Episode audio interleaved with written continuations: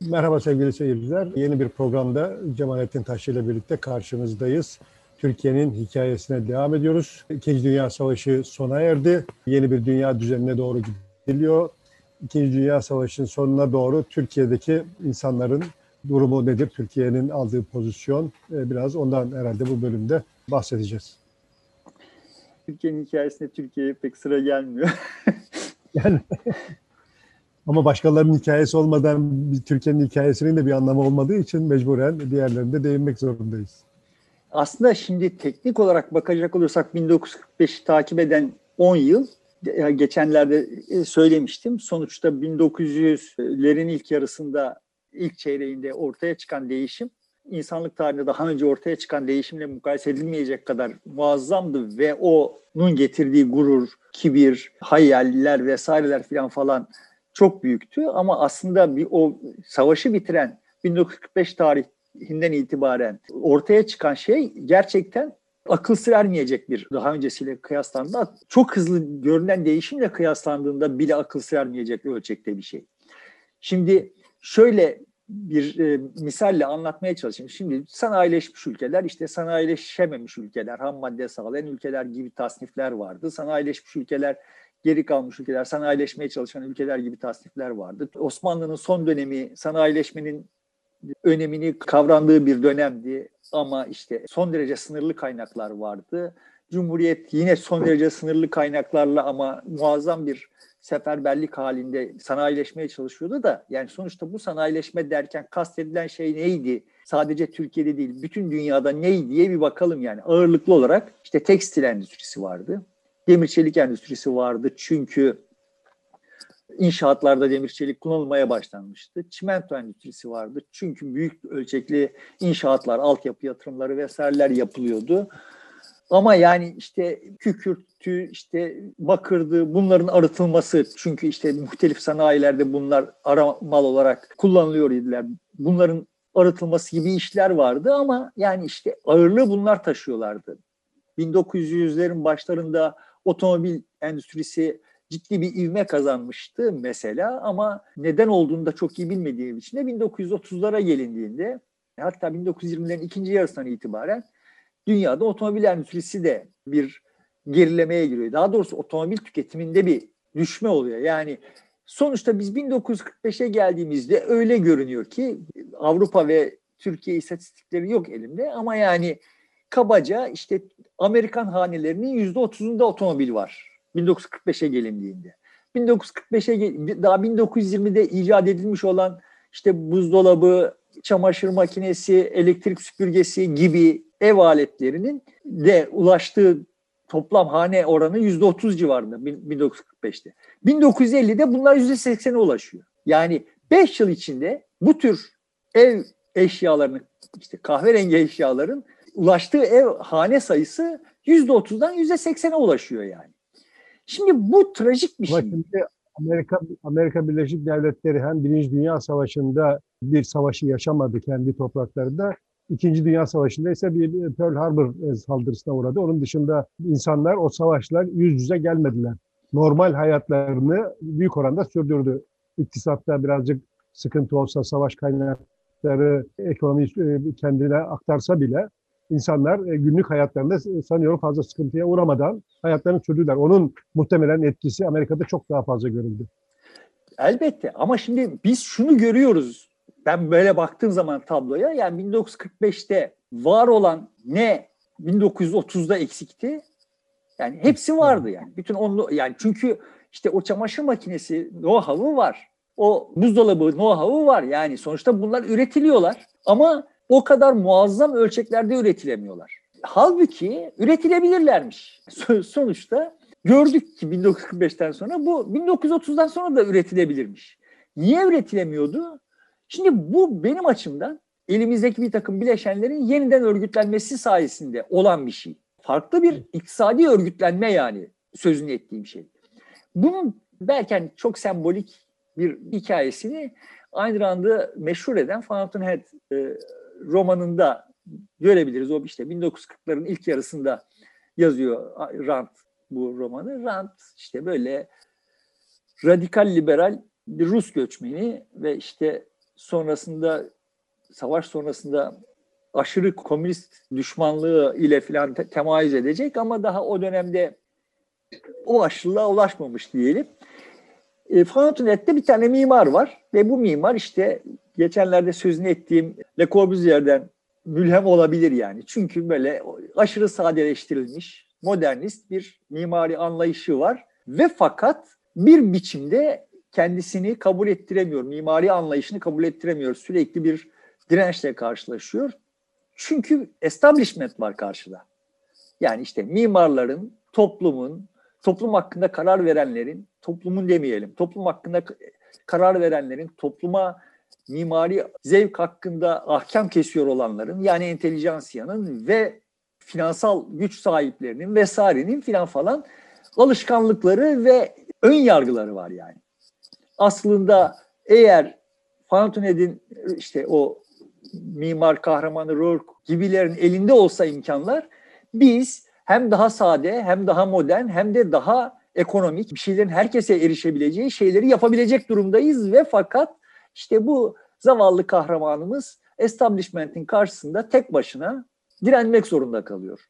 Şimdi Ayn Rand bu romanıyla aslında bir anlamda evet bence o dönemin ruh durumunu değilse de organizasyon özelliklerini deşifre ediyor. Yani bir yıl alışkanlık var ve bu alışkanlıklar sürüyor. Şimdi biz herkese buzdolabı üretebiliriz ama herkese buzdolabı üretebilmemiz için herkesin buzdolabını satın alacak paraya sahip olması gerekiyor. Bu bir dizi imtiyazın paylaşılmasını gerektirecek. Sanayicilerin işine gelmiyor herkesin buzdolabı sahibi olması. Yani buzdolabı üretenlerin işine gelmiyor yani. Şimdiki tablo, dünyadaki şu andaki tablo da böyle bir tablo. Bir kilitlenme hali var ve bu kilitlenme halini çözmek için savaş gerekmiş yani. Savaş sonuçta işte kadınları da iş gücü yapınca ithal ikamesi vesaire filanla işte bir takım sıradan insanların daha establishment karşısında güçsüz olan insanları güçlü hale getirince onlar da kendi fikirleriyle ve kendi imkanlarıyla imalata katılınca olağanüstü bir patlama gerçekleşmiş. Daha önce aslında senin, benim imalata katılmamızın önünde örgütsel ve kavramsal bariyerler varmış. Engel. Bu bariyerler yıkılmış. Kimse bunları yıkmayı planlamadığı, kimse bunların yıkılmasını talep etmediği halde yıkılmış. Şimdi bu konuda şuna da işaret etmem gerekiyor. Sonuçta Amerikan hanelerinin %30'unda çamaşır makinesi varmış. İşte 5 yıl sonra %80'inde olmuş. Bu eşitliği sağlayan bir şey değil mi? Yani Amerikan kadınlarının %30'u çamaşır makinesinden faydalanıyormuş. Kalanları çamaşır yıkama çilesini ağırlıklı olarak bu işler kadınların işi olduğu için çamaşır yıkama çilesini çekiyorlarmış. Ama yani çok kısa bir süre içinde olağanüstü çok sayıda Amerikan kadını çamaşır makinesinden faydalanır olmuş. Şimdi böylelikle biz eşitliği sağlamış olmamış mıyız? Yani olayı daha eşitlemiş olmamış mıyız? Şimdi bu tür şeyler de görülmüyor. Yani toplumun standartı yükselmiş oluyor. Hayat standartı, Evet. imkanları artmış oluyor. Belli çoğunluk imtiyazlı kesimlerin evet. elinde olan standartlar daha difüze Normal olmuşlar ve herkese yayılmışlar. Şimdi o dönem böyle bir dönem. Yani imtiyazların yıkıldığı bir dönem. Her anlamda imtiyazların yıkıldığı bir dönem yani. Bu Amerika istatistiklerini böyle diye sözünü ettim. Avrupa ve Türkiye istatistiklerini bilmiyorum dedim. Şimdi Avrupa'da da çok kısa süre içinde Avrupa Amerika'yı çok kısa bir gecikmeyle takip ediyor. Çünkü geçen programda dediğim gibi işte bu e, Marshall yardımları artı işte IMF ve Dünya Bankası gibi kurumlar marifetiyle Avrupa'nın sanayileşmiş ülkelerinin daha hızlı sanayileşmesi destekleniyor. Ve işte o dönemde e, Avrupa görmüş olanlar da Avrupa ile Türkiye'nin arasının nasıl hızlı açılıyor olduğunu görüyorlar. Yani şimdi Türkiye'ye de belki bir takım evlere çamaşır makinesi falan geliyor, buzdolabı falan geliyor ama bunlar Çok ancak sınırlı. çok imkanları çok yüksek olanların evlerine giriyor. Yani bizim büyüdüğümüz evlerde bunların hayal edilmesi mümkün değildi biz büyürken yani. Ee, benim açımdan eşitlik vesaire derken işte bu faktörlere de bakılması gerekiyor. Eşitlik talep edilirken yani sadece maddi gelirlerin vesaire falan, falan eşitlenmesi değil. Sonuçta bunların erişilebilir olması. Bana işte bilmem ne kadar dolar verdin ama ben o kadar dolarla buzdolabı alamıyor isem, çamaşır makinesi alamıyor isem ortada bu yoksa yani bunun da bir manası yok. Şimdi üretimin olağanüstü arttığı, işte yeniden örgütlenme sayesinde olağanüstü arttığı bir dönem o dönem. Bu rakamlarla ilk karşılaştığımda, ilk gençliğimde sonuçta bunlara çok mana veremedim. Yani nasıl oldu da 1940'ta olmayan şey 1945'ten sonra bir yıkıntı ortamında mümkün oldu diye aslında teknik olarak şeyi görünüyor yani sanayi birim insanın sanayiye üretici olarak katılan birim insanın verimliliğini olağanüstü arttırır ve olağanüstü bir verim artış dönemi aslında teknik olarak bu iş. Ama işte biz o verimi niye 1930'da, 35'te, 40'ta arttıramadık da şimdi arttırdık, o tarihte arttırdık diye baktığımız zaman işte olay gelip o görünmez el vesaire gibi kavramlara geliyor. İşte evet onu ben de kullanıyordum ve ama yani ele avuca gelmeyecek bir şeydi. Sonuçta 1990'larla birlikte bu konuda benim kafam netleşti. Yani 1990'larla birlikte kompleks sistemler teorisiyle işte kendiliğinden örgütlenme vesaire gibi kavramları öğrendiğim zaman yani bu kavramları o kelimelerle e, öğrendiğim zaman ya evet bana şimdi olay hiç anlaşılmaz görünmüyor. Yani ekonomi normal şartlarda kendiliğinden örgütlenen bir şeydir. Ve bizim hepimiz evet işte evimizde buzdolabı olsun istiyoruz. Hepimizin evinde buzdolabı olması da iyi bir şeydir. Hepimizin evinde çamaşır makineleri olması iyi bir şeydir. Benim açımdan olay böyledir yani. Bu böyle hani basit tüketim vesaire. Yani evinde çamaşır makinesi olmayan annemin başkalarının çamaşır makineleri karşısında nasıl kendi zulmünü, yaşadığı zulmü nasıl kavramlaştırdığına şahit olmuş bir, biriyim ben. Ben genç yaşlardayken ancak annem çamaşır makinesi sahibi oldu ve bunun annemin dünya ile ilişkisini nasıl değiştirdiğini, her anlamda nasıl değiştirdiğine şahit oldum yani. Dolayısıyla benim açımdan evet herkesin evinde çamaşır makinesi olması iyi bir şeydir. Ve eşitlik vesaire gibi kavramları bu kavramlar üzerinden yani bu tür faktörler üzerinden değerlendirmek gerekir. Bizim üretim kabiliyetimiz, insanlığın üretim kabiliyeti eğer doğru örgütlenebilirsek, biz kendi kendimize bırakılırsak örgütleniriz. Örgütlenebilirsek sonuçta ekonomi böyle bir şeydir. Biz oturacağız işte üretim yapacağız. Sen çamaşır makinesi üreteceksin, ben buzdolabı üreteceğim, öteki otomobil üretecek ve hepsi hepimizin erişebileceği şeyler olacak. Dolayısıyla da burada işte ama şunun artı değerini bu sömürüyor vesaireler falan filan bana çok tali meseleler olarak görünüyor. Esas olan mesele evet dünya 1945'lerle birlikte kader olarak kabul edilmiş olan birçok şeyin üstünden geçti. Buldozer gibi üstünden geçti yani. Şimdi ama bize bu iş dediğim gibi ciddi bir gecikmeyle geldi. Biz o dönemde Avrupa'daki tırmanışa paralel bir tırmanış sergileyemedik. Neden sergileyemedik? O nereden, niye, nereden kaynaklanıyor o? Yani devletin organizasyonundan mı, toplumun lakayt kalmasından mı? Bizi bu uluslararası sistemde ham madde sağlayıcılar kategorisine soktular gibi görünüyor. Yani biz de buna razı geldik ilaveten de. Öyle bir durum da var ama esas sıkıntı... Yani o Dünya Bankası, IMF'nin Avrupa'yı fonladığı bir tür e, Avrupa'nın imarı ve inşası için kullanıldığı dönemde Türkiye bunun dışında tutuldu. Halbuki Türkiye'de dahil edilmiş olsaydı bambaşka bir tablo mu ortaya çıkacaktı? Çıkabilirdi. Çıkmasına mani olacak şey Türkiye'nin nüfusunun büyük bölümünün hala köylü olması. 1940 ile 1950 arasında şehirlerin e, büyüme oranları ilk defa köylerin büyüme oranlarını geçiyor. Ama hala aradaki fark çok yani o, e, o makas çok küçük. Ve Türkiye o dönemde daha önce de şahit ettim yani Cumhuriyet'in kuruluştan itibaren böyle sistematik ve agresif bir şehirleşme projesi programı uygulamıyor. Uygulamış olsa daha şehirli bir nüfusu olsa muhtemelen bu süreçte daha başka e, ufuklar açılabilecek. İlaveten de Türkiye oraya kadar yani Cumhuriyet kurulduktan itibaren zaten ihracatında önemli pay tutan şeyler ham maddeler. Ve buradan da bir zenginlik üretilmiş. Bunun böyle süreceği düşünülmüş de olabilir. Yani dünyanın ham madde, sanayileşmiş dünyanın ham madde ihtiyacının da artacağı, dolayısıyla başkaları sanayileşirken bizim ham madde satarak o zenginlikten pay alacağımız da düşünülmüş olabilir ama işte relatif olarak ham madde fiyatları çok hızlı bir biçimde düşmeye başlıyor. Ve buna karşı yapacak bir şeyimiz yok yani bizim. Çünkü hemen hemen her ham maddede dünyanın dört bir yanında yeni aktörler ortaya çıkıyor. Çünkü yeni devletler, ulus devletler kuruluyor. Çünkü onlar da dünya nizamı tarafından ham madde sağlayıcısı olarak diğer ham madde sağlayıcıların terbiye edecek unsurlar olarak kullanılıyor. Türkiye'de burada dediğim gibi esneklik sergileyemiyor, bir agresyon sergileyemiyor. Yani hiçbir şey yapamıyor da değil yani bir şey çok kestirmeden bakacak olursak hikayeye bizim çevremizdeki ülkelere kıyasla yani eski Osmanlı bakiyesi ülkelere kıyasla Türkiye daha hızlı reaksiyon gösteriyor yani. Ama olabilir olandan olanla kıyaslarsak bana öyle geliyor ki hani daha iyisini yapabilirdik. Çok daha kötüsü de olabilirdi yani. İran'a baktığımız zaman işte petrol zengini İran'a baktığımız zaman efendime söyleyeyim Orta Doğu'ya baktığımız zaman onlarla kıyasladığımız zaman daha kötüsü de olabilirdi. Böyle görünüyor ama Türkiye'nin potansiyellerine bakıldığı zaman daha iyisini de yapabilirdik diye düşünüyorum. Şimdi 1940'ların en çarpıcı demografik verisi, bunu daha önce söyledim mi hatırlamıyorum. Erkeklerde evlenme yaşı ilk defa 30'u geçiyor.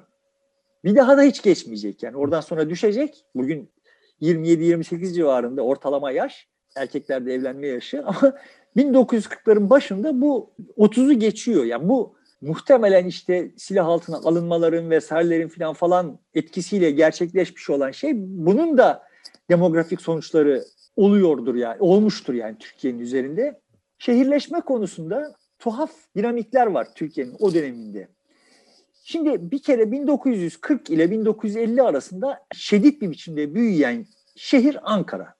Yani 1940'ta Türkiye'nin üçüncü büyük şehri 160 bin civarında bir nüfusu var. 1950'de 290 bin nüfusa çıkıyor. Yüzde 44 büyüyor ilk yarısında 40'ların. Yüzde 27 büyüyor ikinci yarısında. Bütün şehirler yani birçok şehir diyelim bu dönemde büyüyor ama en muazzam büyümeyi Ankara gerçekleştiriyor ve 1950'ye geldiğimizde Türkiye'nin ikinci büyük şehri oluyor. İzmir'i geçmiş oluyor yani. İzmir de bu arada büyümüş olduğu halde. Burada en tipik Ankara'dan sonra en müthiş büyümeyi e, sağlayan şehir Eskişehir. Eskişehir'de sonuçta 60 bin civarında bir nüfusla şehir merkezi 60 bin civarında bir nüfusla başladığı 10 yıldan 90 bin yani %50 büyümüş olarak çıkıyor yani. Çünkü, Cumhuriyet'in şehirleri diye sayılmıyor mu? Er, e, Eskişehir, e, Ankara, Sivas gibi bir takım iller Cumhuriyet'in kurduğu şehirler diye evet. E, konuşulurdu. Eskişehir'in burada Sivas için de aynı şey geçerli. Eskişehir'in buradaki temel dayanağı diyelim büyümesini besleyen kaynak demiryolu. Demiryolu yapılırken, Bağdat Demiryolu yapılırken Almanlar Eskişehir'de bir cer atölyesi yapmışlar Cumhuriyet onu lokomotif fabrikası haline getirmiş ve o demir yolunun geçiyor olması, orada da işte böyle lokomotif fabrikasının olması vesairenin de sebebiyle kısa süre içinde Cumhuriyet'in kurduğu fabrikaların önemli bir bölümü Eskişehir'e kurulmuş. Çünkü hani fabrikada üretim yapmak önemli ama o üretimi taşımak da önemli. Büyük ihtimalle bu sebeple Eskişehir çok radikal bir biçimde büyümüş o dönemde. Burada en enteresan, bana en enteresan gelen hikaye şeye gelirken 1940'a geldiğimizde dişe dokunur şehirler olan e, Tekirdağ, Kırklareli gibi, Edirne gibi Trakya şehirleri küçülüyorlar. Çanakkale, Balıkesir küçülüyorlar. Yani yavaş büyüyor değiller yani. Küçülüyorlar bu 10 yılda.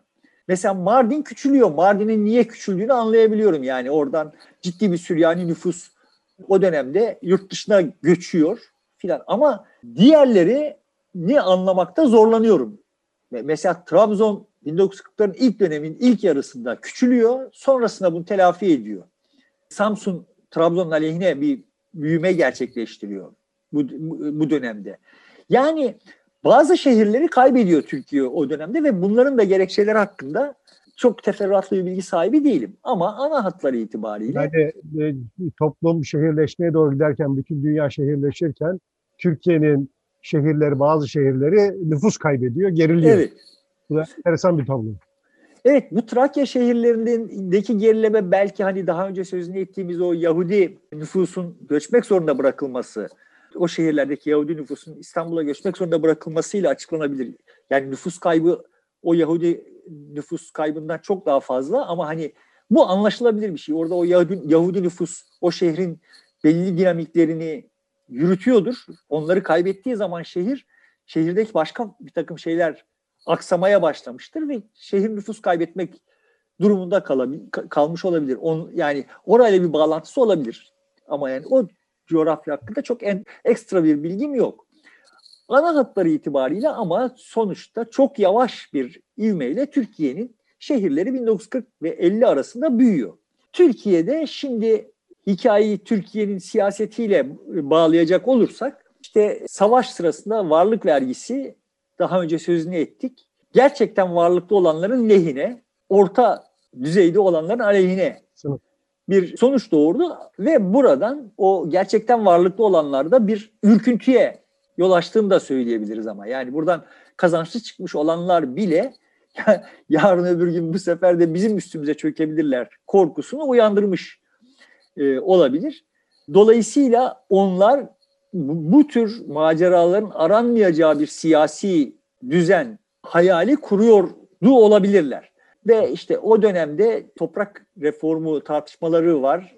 Daha doğrusu topraksız köyünün topraklandırılması bunu da konuştuk mu hatırlamıyorum. Yok bunu konuşmadık.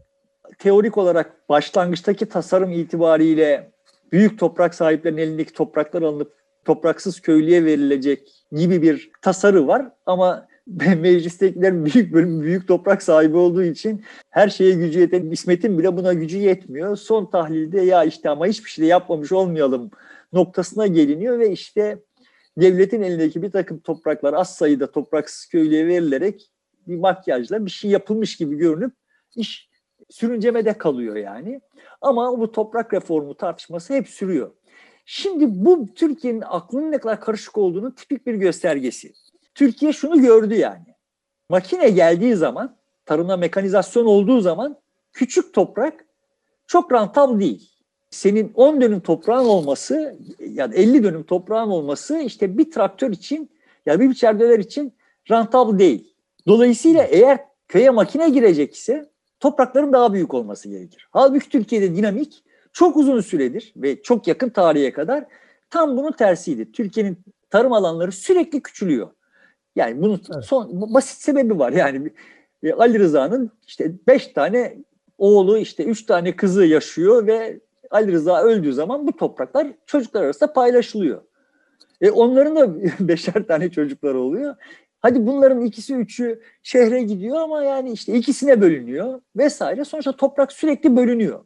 Şimdi toprak sürekli bölündüğü zaman o toprağın o aileyi besleyebilmesi için ya o toprakta üretilenin ekstra bir değerle piyasaya satılması gerekiyor. Yani tüketicinin aleyhine bir durumun ortaya çıkması gerekiyor. Eğer tüketiciyi koruyacak olursan o toprağı işleyen aç kalıyor. O toprağı işleyenin veriminin Aslında toprağın bölünmesi, toprağın makineyle buluşmasını da büyük oranda engelledi. makineyle buluş, buluşma imkanı bulunca buluştu da Yani büyük, köylü. evet. Ama yani Ama sonuçta e, üretimi e, yapıp hani büyük arazide makineyle üretim yapmanın verimiyle küçük arazide Evet. bölünmüş, parçalanmış arazide makineyle üretim yapma arasında çok fark var. evet yani. İnsanlar hani büyük toprak sahibi olsa bir borç harçla traktör alacak, biçer alacak ya da başka şeyler alıp o üretimi daha da e, verimli hale getirebilecekti. Evet yani şimdi 60 dönüm toprağı işleyebilecek traktör e, diyelim 60 dönüm toprak atıyorum bütün bu değerleri yani. 60 dönüm toprak verimli biçimde işlenebilecek ise ama işte 20 dönümlük topraklara bölünmüş ise köylü sonuçta traktörü üçte bir verimle kullandı. Her köylü. Ama hepsi traktör sahibi oldu 60'ta e, 50'den sonra yani. Çünkü traktör aynı zamanda otomobil olarak kullandılar. Yani işte gezi amacıyla da kullandılar, rekreasyon amacıyla da kullandılar. Yani şimdi böyle e- e- ekstra verimsizlikler üretti Türkiye'nin ekonomisi. Yani o dönemde eğer toprakların büyütülmesi lehine politikalar uygulansaydı bu şunu getirecekti. O daha çok köylü topraksız kalacak. Daha çok topraksız kalan köylü şehre göçmek zorunda kalacak. Şehirlerin rahatı kaçacak. Bunu istemiyordu şehirliler. Ama şimdi köylüler köyde kaldıkları zaman da işte sürekli olarak bir verim düşüklüğü yaşandı. Net toplamda Türkiye'de yaşanı, yaşanmış olan şey bu verim düşüklüğü yani. Ve ekonominin en hızlı biçimde, bütün dünyada en hızlı biçimde verim üzerinden bir şeyler üretmeyi öğrendiği dönemde Türkiye aşırı verimsiz bir ekonomiye mahkum duruma geldi. Evet, burada bitirelim istersen.